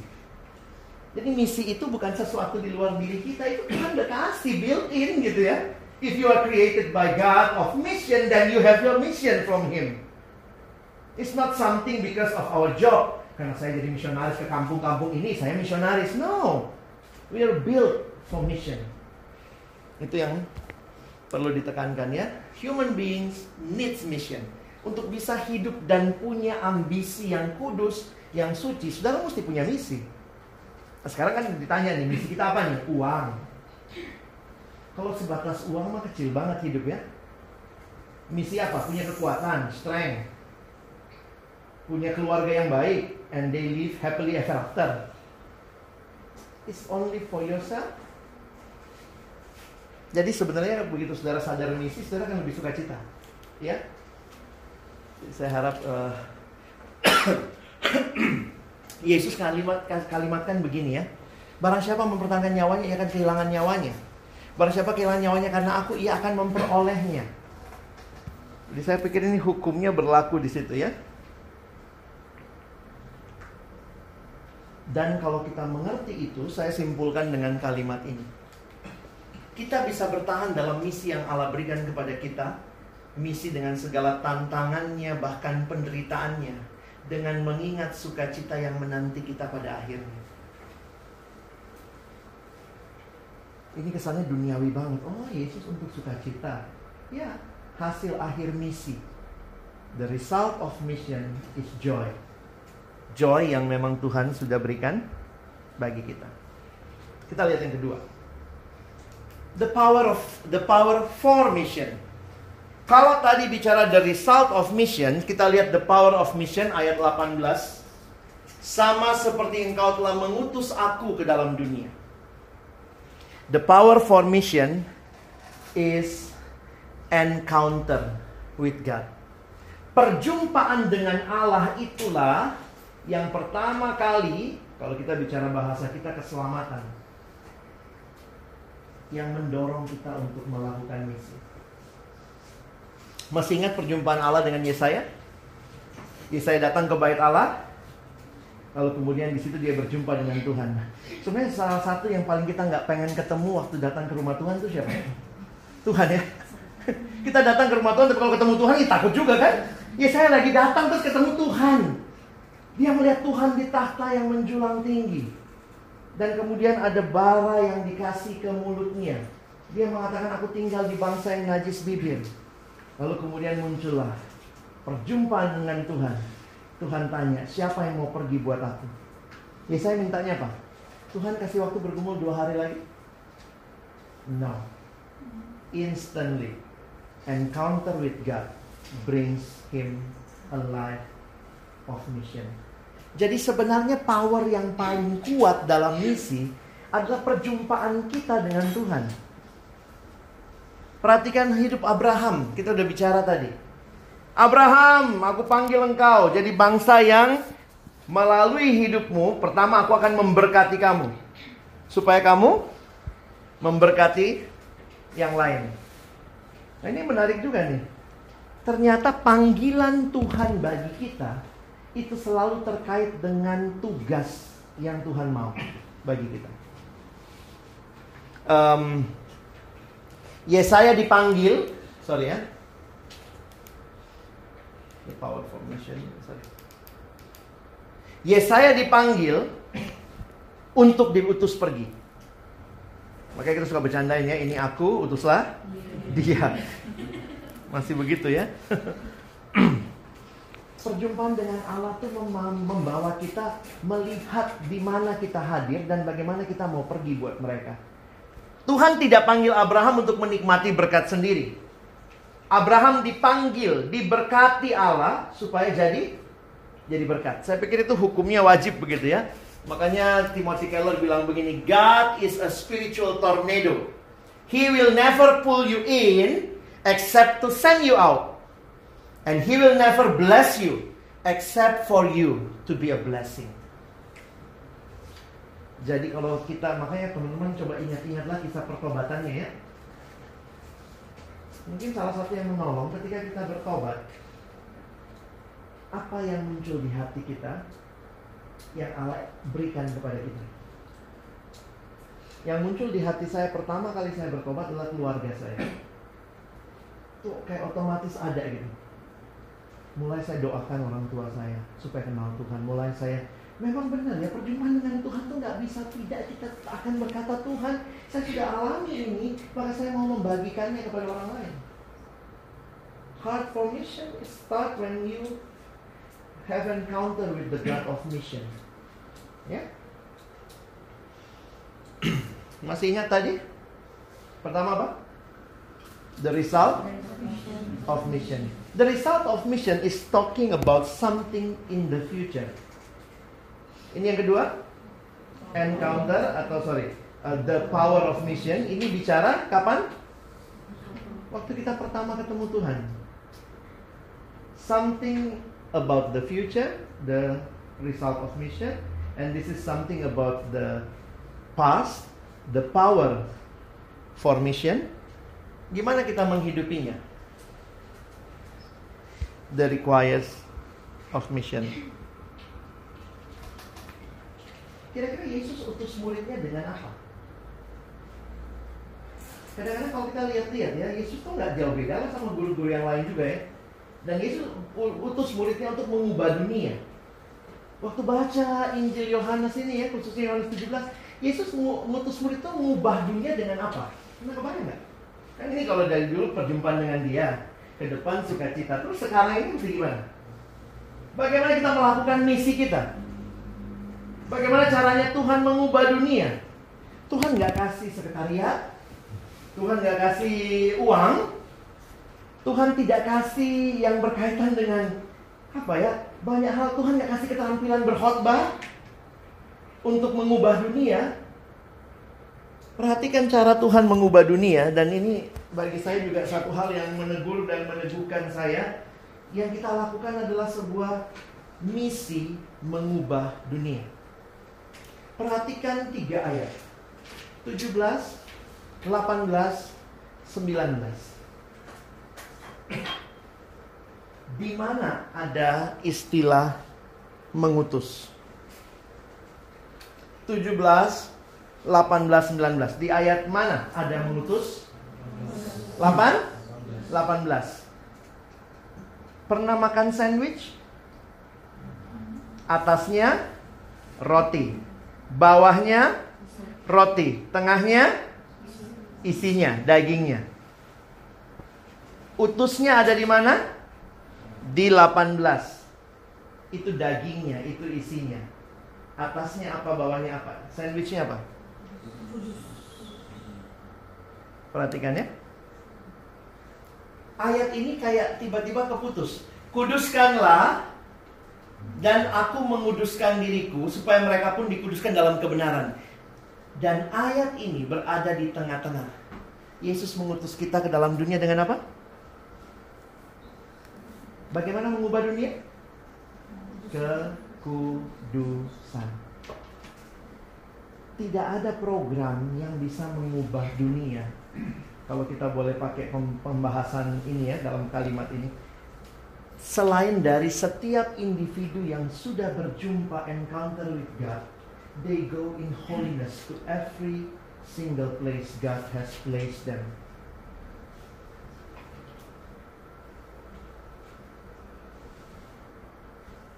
Mari perhatikan kalimat ini. We grow in personal wholeness and holiness not only for Jesus, but for God's world mission. Teman-temanku, waktu kamu hidup dalam kekudusan, bertumbuh, terus baca Alkitab, terus ber bertobat, ber mengalami perubahan hidup, transformasi hidup, kamu bertumbuh semakin utuh dalam wholeness-nya, kamu semakin kudus, itu gunanya bukan cuma buat supaya menyenangkan hati Tuhan, that is for world mission. Kita tidak sedang bicara sekedar program dulu nih ya.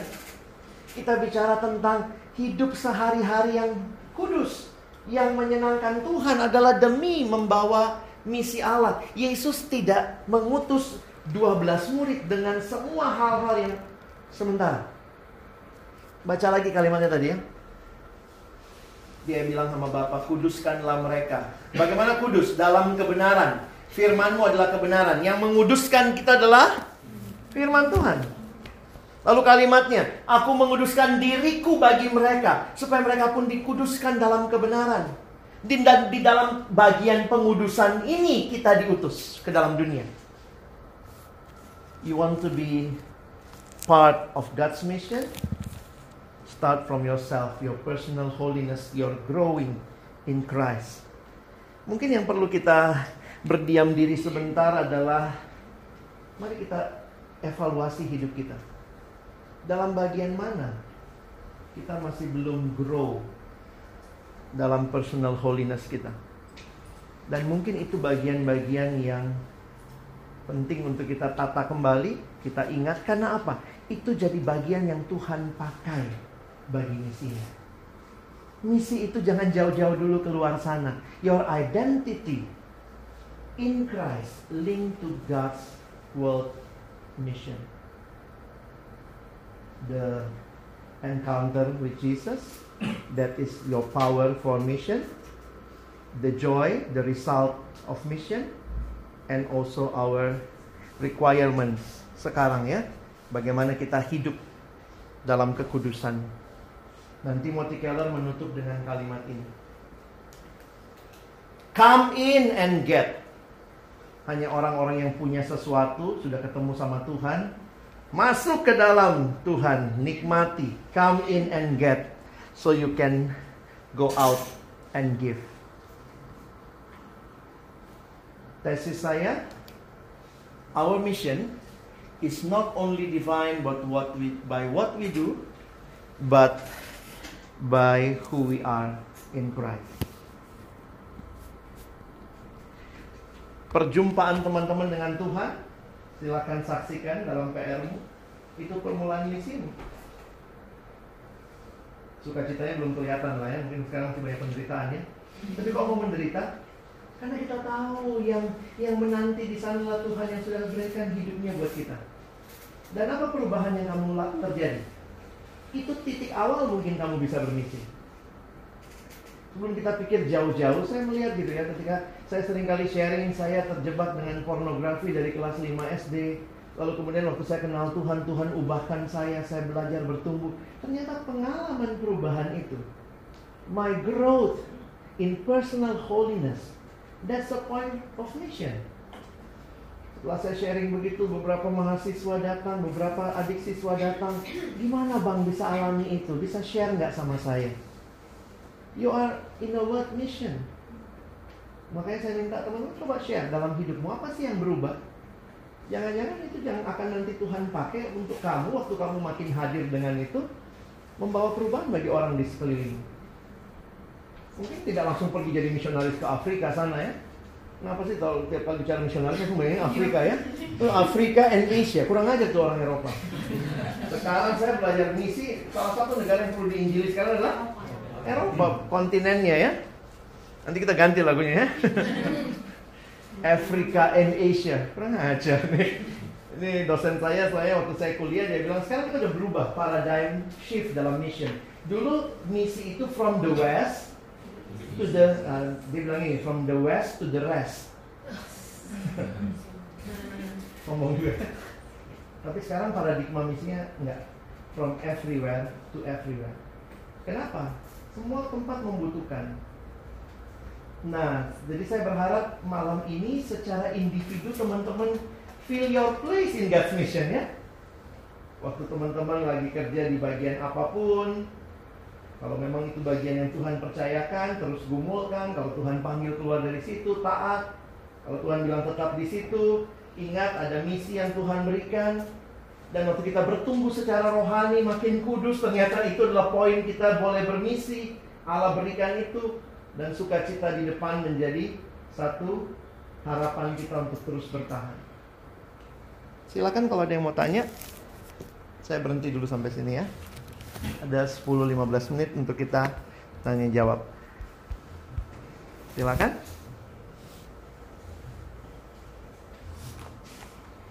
Bang, berarti kalau misalnya hmm, kayak melihat dari sisi lain berarti kalau kita sulit untuk dalam menggumuli misi Allah Hmm.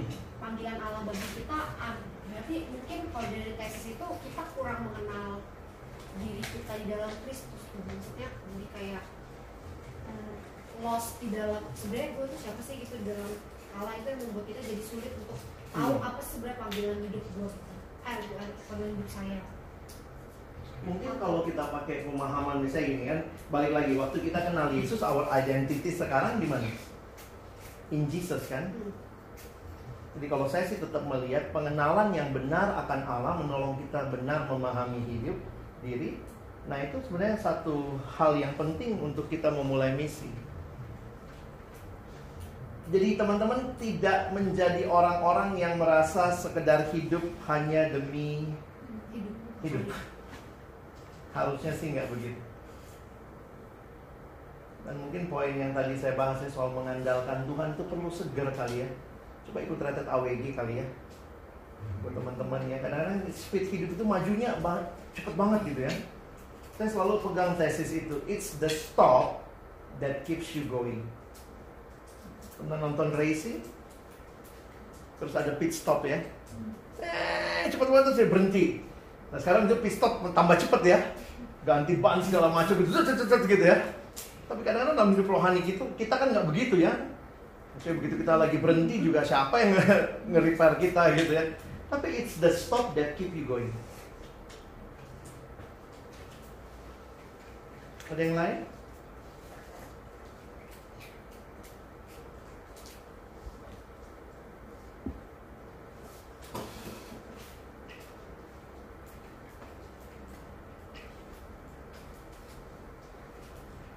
Ya, silakan ya.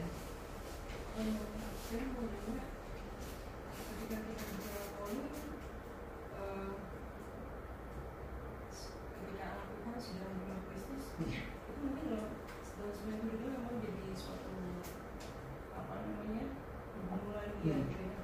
Jadi saya lagi membayangkan eh, ketika misalnya bagi orang-orang yang saat ini Tuhan tempatkan kayak dia dalam kita tahu anak-anak Tuhan seperti di DPR gitu ya, Hmm. di bangsa dan negara gitu. Tapi bagaimana dia bisa menjalankan fungsinya ketika mungkin dia bukan belum orang yang menerima Kristus Hmm. dia dalam tanda kutip eh, dikatakan Kristen tapi bagaimana dia bisa Hmm. eh, menyadari bahwa mungkin dia bukan- mungkin dia memang punya ini sendiri ya apa Hmm. hubungan bahwa saya eh, berkarir atau mengambil profesi ini Hmm. untuk membangun bangsa untuk eh, melalui jalur politik atau apa pun gitu tapi Hmm. bagaimana ketika dia di dalam itu eh, mungkin dia memang belum belum berjumus secara serius Hmm. dia mungkin memang belum orang Kristen yang eh, dalam konteks saya ini baru Hmm. Makasih pertanyaan yang bagus sekali kalau kita lihat dalam kenyataan hidup sehari-hari kan begitu ya. Em, saya melihat secara khusus ada anugerah umum. Jadi memang buat kita yang percaya pada Kristus kita kan dapat anugerah khusus. Kita boleh kenal siapa Tuhan, kita boleh kenal akhirnya tujuan hidup kita, bagaimana kita hidup memuliakan Allah. Tapi Tuhan kasih anugerah umum juga lah untuk bangsa-bangsa, untuk dunia ini. Termasuk misalnya Tuhan berikan anugerah umum itu melalui misalnya ideologi partai atau undang-undang. Makanya teman-teman yang fakultas hukum nih ya, kalian walaupun mungkin tidak harus tulis ayatnya di undang-undang, tapi ketika kalian misalnya membuat undang-undang atau mengusulkan undang-undang tertentu, itu bisa memasukkan nilai-nilai misalnya nilai eh, kekristenan, misalnya hidup bagi orang lain, memperhatikan nasib orang miskin. Jadi saya melihat tetap anugerah Tuhan berlaku lah untuk bangsa-bangsa, termasuk di dalam undang-undang. Dan ada orang-orang yang mungkin saking dia bukan hidup bagi Allah ya, mungkin dia hidup bagi undang-undang. Dia sangat taat sama undang-undang. Kita bisa katakan anugerah umum salah satunya Jokowi kali ya. Eh harus dua periode kali. ya.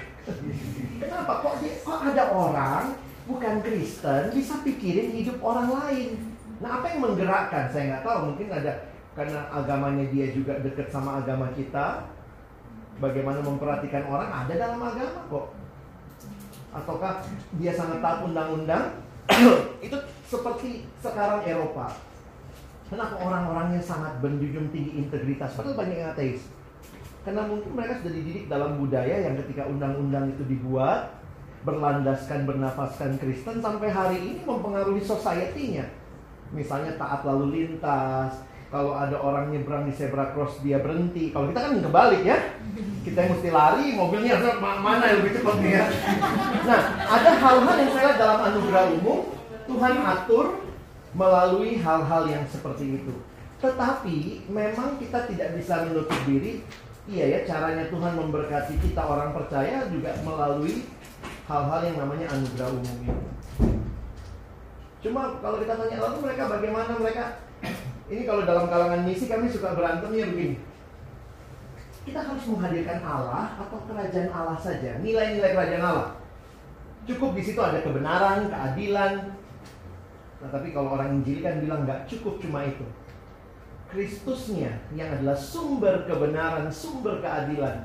Karena kalau yang liberal, misi itu cukup sosial.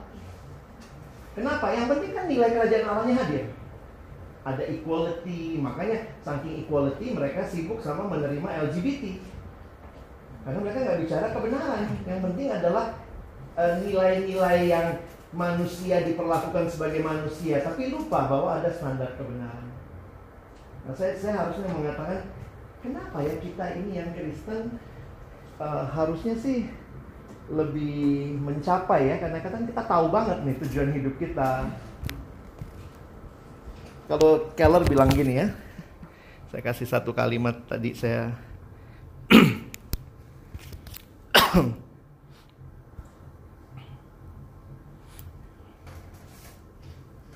Yesus utus 12 murid mengubah dunia hanya dengan holiness.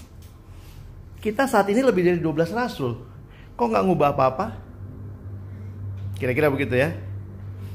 Yesus kan waktu itu nggak kasih manual, dia nggak kasih kurikulum kelompok kecil. Kami udah bikin nih perkantas nih kurikulum proses pemuridan. Yesus nggak kasih begitu kita nggak ada manual, nggak ada sekretariat, nggak ada fasilitas. Dia cuma utus murid dengan holiness. Waktu kamu hidup kudus di dalam dunia, kamu akan mengubah dunia. Terus kemudian kalimat sindirannya si Keller bilang begini. Kenapa saat ini kita lebih dari dua belas rasul tapi tidak membawa banyak perubahan? Because maybe we have the manual, we have the curriculum, but we do not have the holiness. Kita punya kurikulumnya, kita punya manualnya, tapi kita mungkin nggak sungguh-sungguh hidup kudus. Nah, para rasul hadir dalam anugerah Tuhan berjuang hidup kudus. Mungkin itu kali ya. Ada lagi? Silakan. berkaitan dengan sekolah uh, saya ingat waktu KM dalam pembahasan ini yaitu bahwa kita ini perlu untuk mengumpulkan kawasan waktu itu ingat saya ada tiga titik pokok vokasi yaitu di mana minat kita lalu kemudian uh, misi Allah Nomor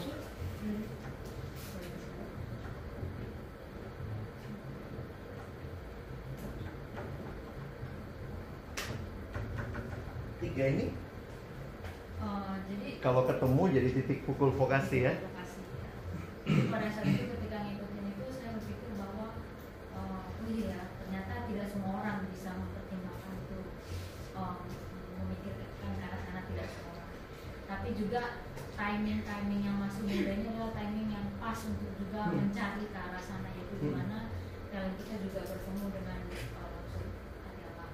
Nah, kemudian saya menempatkan dalam posisi saya yang di mana pada saat itu adalah mengenai misi saya tetap kerjakan saya bla. tapi ada desire misalnya di dalam ketika mengerjakan itu seperti tidak menikmati Hmm. menjalaninya berlama Hmm. itu juga seperti pressure baru kemudian mulai tuh mempertimbangkan Tuhan sementara ada desire lain-lain kayak yang lain. Cuman di sini kan bingung ternyata kalau kita baca buku yang lain mungkin ada bilang follow your passion follow your Hmm. passion. Tapi semakin ke sini saya menyadari eh, bahwa sebenarnya bukan passion yang Tuhan tapi apa yang mau. Tuhan tapi satu sisi ada desire gitu. Tuhan kayaknya setiap kali mau ngetar sana tuh kayak langsung uh, membara gitu Hmm. tapi kadang-kadang tapi juga gak gampang jalan ke sana. Nah itu kadang-kadang kita jadinya bingung. Hmm. Tuhan Hmm. apakah aku harus mengikuti passion yang aku desire? Atau aku memilih saja expertise yang ada di aku? Tapi sebenarnya aku nggak begitu menikmatinya. Bisa sih bisa. Hmm. expert di situ. Dan orangnya expert. Tetapi uh, I'm not proud of maksudnya saya nggak Hmm. bangga dengan jadi orang yang dulu tapi kita nggak bangga. Tapi kalau misalnya orang tentang ini kita malah nah itu gimana jadi Kadang-kadang iya dua-duanya. Sementara saya udah ngerasain misalnya omongan Pak Mang waktu kemarin tuh Hmm. gaji gajinya rendah tapi kalau saya menikmati saya akan perjuangkan baru dia bilang kalimat kedua gajinya besar tapi kalau saya nggak nikmati itu apa nah itu bener banget Hmm. Hmm. Gitu, jadi melihat wah ternyata nggak sesuatu itu bisa diukur dengan Bukan.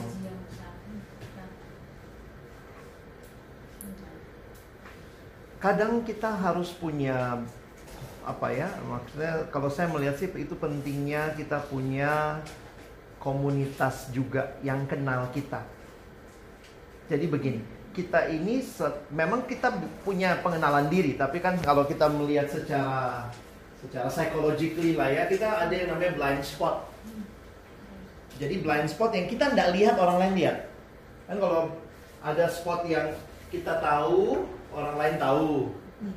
Ada yang kita tahu orang lain nggak tahu. Ada yang orang lain tahu kita nggak tahu. Ada yang kita nggak tahu orang lain nggak tahu. Nah itu itu namanya blind spot di bagian sini gitu. Nah makanya saya pikir pentingnya misalnya gini. Kalau punya teman-teman KTBK atau apa yang kenal kita atau kakak rohani kita mentor kita itu akan bisa menolong. Tentu keputusan akhir ada sama kita tapi misalnya orang-orang itu akan bisa membimbing kita menemukan, melihat atau sharinglah dengan orang-orang yang punya pergumulan yang sama. atau pernah melewati pergumulan yang sama. Karena menguji itu memang butuh waktu dan kadang-kadang ya mungkin kalau kita masuk ya masuk aja dulu nanti habis itu kemudian saya ingat cerita misalnya kayak Bang Ruli ya. Bang Ruli tuh dulunya mau jadi hamba Tuhan. Ibu Doroti bilang tidak, pembimbingnya. Kamu jadi uh, PNS. Jadi dia jadi PNS tapi karena kesukaannya memberitakan firman tetap jadi pembicara ke mana-mana kan. Nah sekarang waktu pensiun dia mau cari sekolah teologi nih kontak-kontak saya. Lex, sekolah teologi kamu di mana waktu itu ya? Jadi karena memang life is not only limited by our job. Kalau kita lihat cuma by our job, kamu bisa jadi nggak nikmatin banyak hal lagi. Padahal itu jadi passion yang Tuhan kasih. Nah saya nggak tahu bagaimana mengaturnya dalam hidup sehingga mungkin ini ini jobmu. Ya sudahlah kalau memang itu jobnya dan di situ juga kalian kamu ber, berkontribusi. Tapi ada bagian yang mungkin kamu kembangkan sebagai bagian dari mengembangkan passionmu. Dan itu nggak dibayar mungkin. Karena itu passion, dibayar nggak dibayar kita nggak masalah. Tapi ini adalah butuh untuk hidup. Nah mungkin cuma masalahnya adalah begini. Kita kan spend banyak banget waktu di profesi. Ini kayak anak SMA lah ya. Bang, papa mama saya minta saya masuk ke dokteran. Saya maunya IKJ Musik, main gitar. Terus gimana? Saya anak yang taat bang, saya ikuti aja mereka. Dasar anak pinter, tes lulus. Masuk ke dokteran. Tapi dia senang banget main gitar, gimana? Ya hari ini nggak mungkin sambil operasi ya. Akhirnya dokternya dia lakukan dan dia makin skillful di situ karena ya sesuatu yang dilakukan terus menerus kan orang makin skillful. Tapi kemudian passionnya kalau waktu senggangnya main gitar, ngelesin orang. Jadi akhirnya saya lihat tidak selamanya kita harus memaksa semua hal harus dipenuhi hanya dengan job. Memang yang saya bilang kadang-kadang menekan karena we use a lot of time in it. Bayangkan ya, satu hari itu 24 jam. 8 jam kerja, 8 jam tidur, ini aturan normalnya ya. 8 jam leisure sebenarnya. Maka orang bilang, lu salah milih job, you waste one third of your life. Itu salah pilih job atau jobnya tidak sesuai dengan passion. Tapi saya harus katakan begini, mungkin karena tidak ada pilihan, kita di Indonesia masih banyak lapangan pekerjaan ya. Jadi alumni kita masih, oh pilih yang mana ya? Deh di negara lain. Kalau itu yang kebuka ya itu aja. Kalau kita yang mana yang mana, nggak kerja kamu, kamu butuh hidup. Akhirnya, your leisure time bisa dipakai untuk kembangkan your other desire. Saya ketemu alumni yang bilang begini, Bang, saya maaf, saya mau sekali jadi hamba Tuhan, tapi saya sadar betul ada kondisi keluarga yang sulit. Saya nggak mau hakimi, saya nggak mau bilang dia imannya kurang juga. Tapi saya bilang, pertimbangkan. Akhirnya dia memutuskan. Saya masih punya empat adik, saya harus sekolahkan mereka. Saya butuh pekerjaan untuk menghidupi keluarga. Emang ya udah, do that. Kenapa dalam ketanggung jawab kamu sama Tuhan mungkin itu yang sekarang Tuhan percayakan sama kamu. Ketika itu selesai mungkin kamu masuk ke dalam pelayanan full time yang notabene katanya uangnya nggak banyak. Uangnya lebih sedikit. Nah, dalam pertimbangan dia waktu itu saya nggak bisa salahkan. Itu hubungan dia sama Tuhan, dia harus bertanggung jawabkan itu di hadapan Tuhan. Dan memang kita harus sadar ya nggak ada salary yang cukup ya. Berapa salary yang cukup? Kasih saya. Berapa salary yang cukup? 10 juta cukup? Kadang-kadang bingung yang korupsi itu yang udah banyak banget gajinya. Jadi saya balik lagi kayak begitu mesti prosesnya panjang, ada yang kenal kamu dan coba untuk melihat di mana. Memang sih yang titik pukul vokasi itu semua kemampuan kita dan kebutuhan dunia ketemu di titik pukulnya. Di situ kita paling maksimal sebenarnya. Cuma realita dunia yang berdosa, ini kan idealnya kita banyak dipukul sama vokasi kita. saya juga harus sadari awal-awal jadi staff saya bergumul gitu. Poinnya apa? Saya kadang-kadang merasa gini, saya bisa lebih, saya bisa menghasilin duit lebih banyak dari ini dengan kemampuan saya. Kenapa harus jadi staff? Tapi itu pergumulan jadi kalau di awal-awal saya tinggalin staff hanya karena saya punya pergumulan kebutuhan hidup atau dulu saya sempat mikir gini, kalau saya terus-terusan di perkantas berkembang nggak sih karunia saya? Kalau saya di TV udah jadi presenter kali. Kan kalau kasar-kasarnya mau ngomong begitu ya, di perkantas ya jadi pembicara gitu ya. Mendingan di TV dong. Mungkin orang mikirnya begitu. Oh, saya pikir iya ya, saya bertahan bukan untuk sesuatu yang sekedar ya pengen sih dikenal orang, tapi bukan itu. Dikenal untuk apa? Apa yang saya bagikan? Nah, kita kita jadi memikirkan, memutuskan saya mau saya mau ngapain nih? For something bigger. Nah, itu kalau dikaitkan sama apa kehendak Allah, wah udah pas tuh.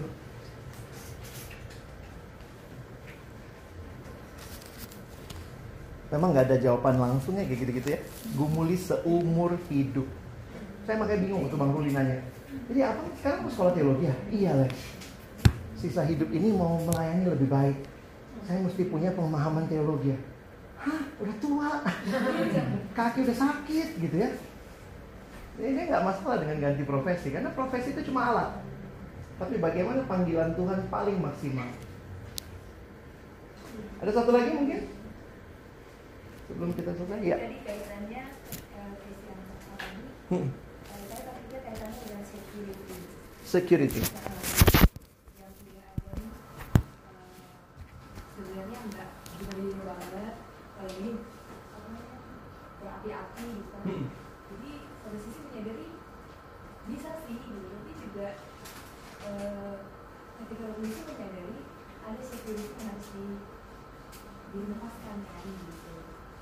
Nah, jadi kembali saya tidak Hmm. belajar kembali lagi sebenarnya kita terus menerus menggumuli ya sebenarnya maunya gimana gitu. Nah itu tapi Tuhan maunya di mana kamu mesti juga tanyanya sama komunitas yang kenal kita. Perlu ambil tes minat bakat mungkin. Ada teman kita, alumni kita Kak Esther Widi di Binus, dia punya ini ya, dia memang menggumuli Binus Karir. Kalian bisa tes, itu sekitar 200 ribuan.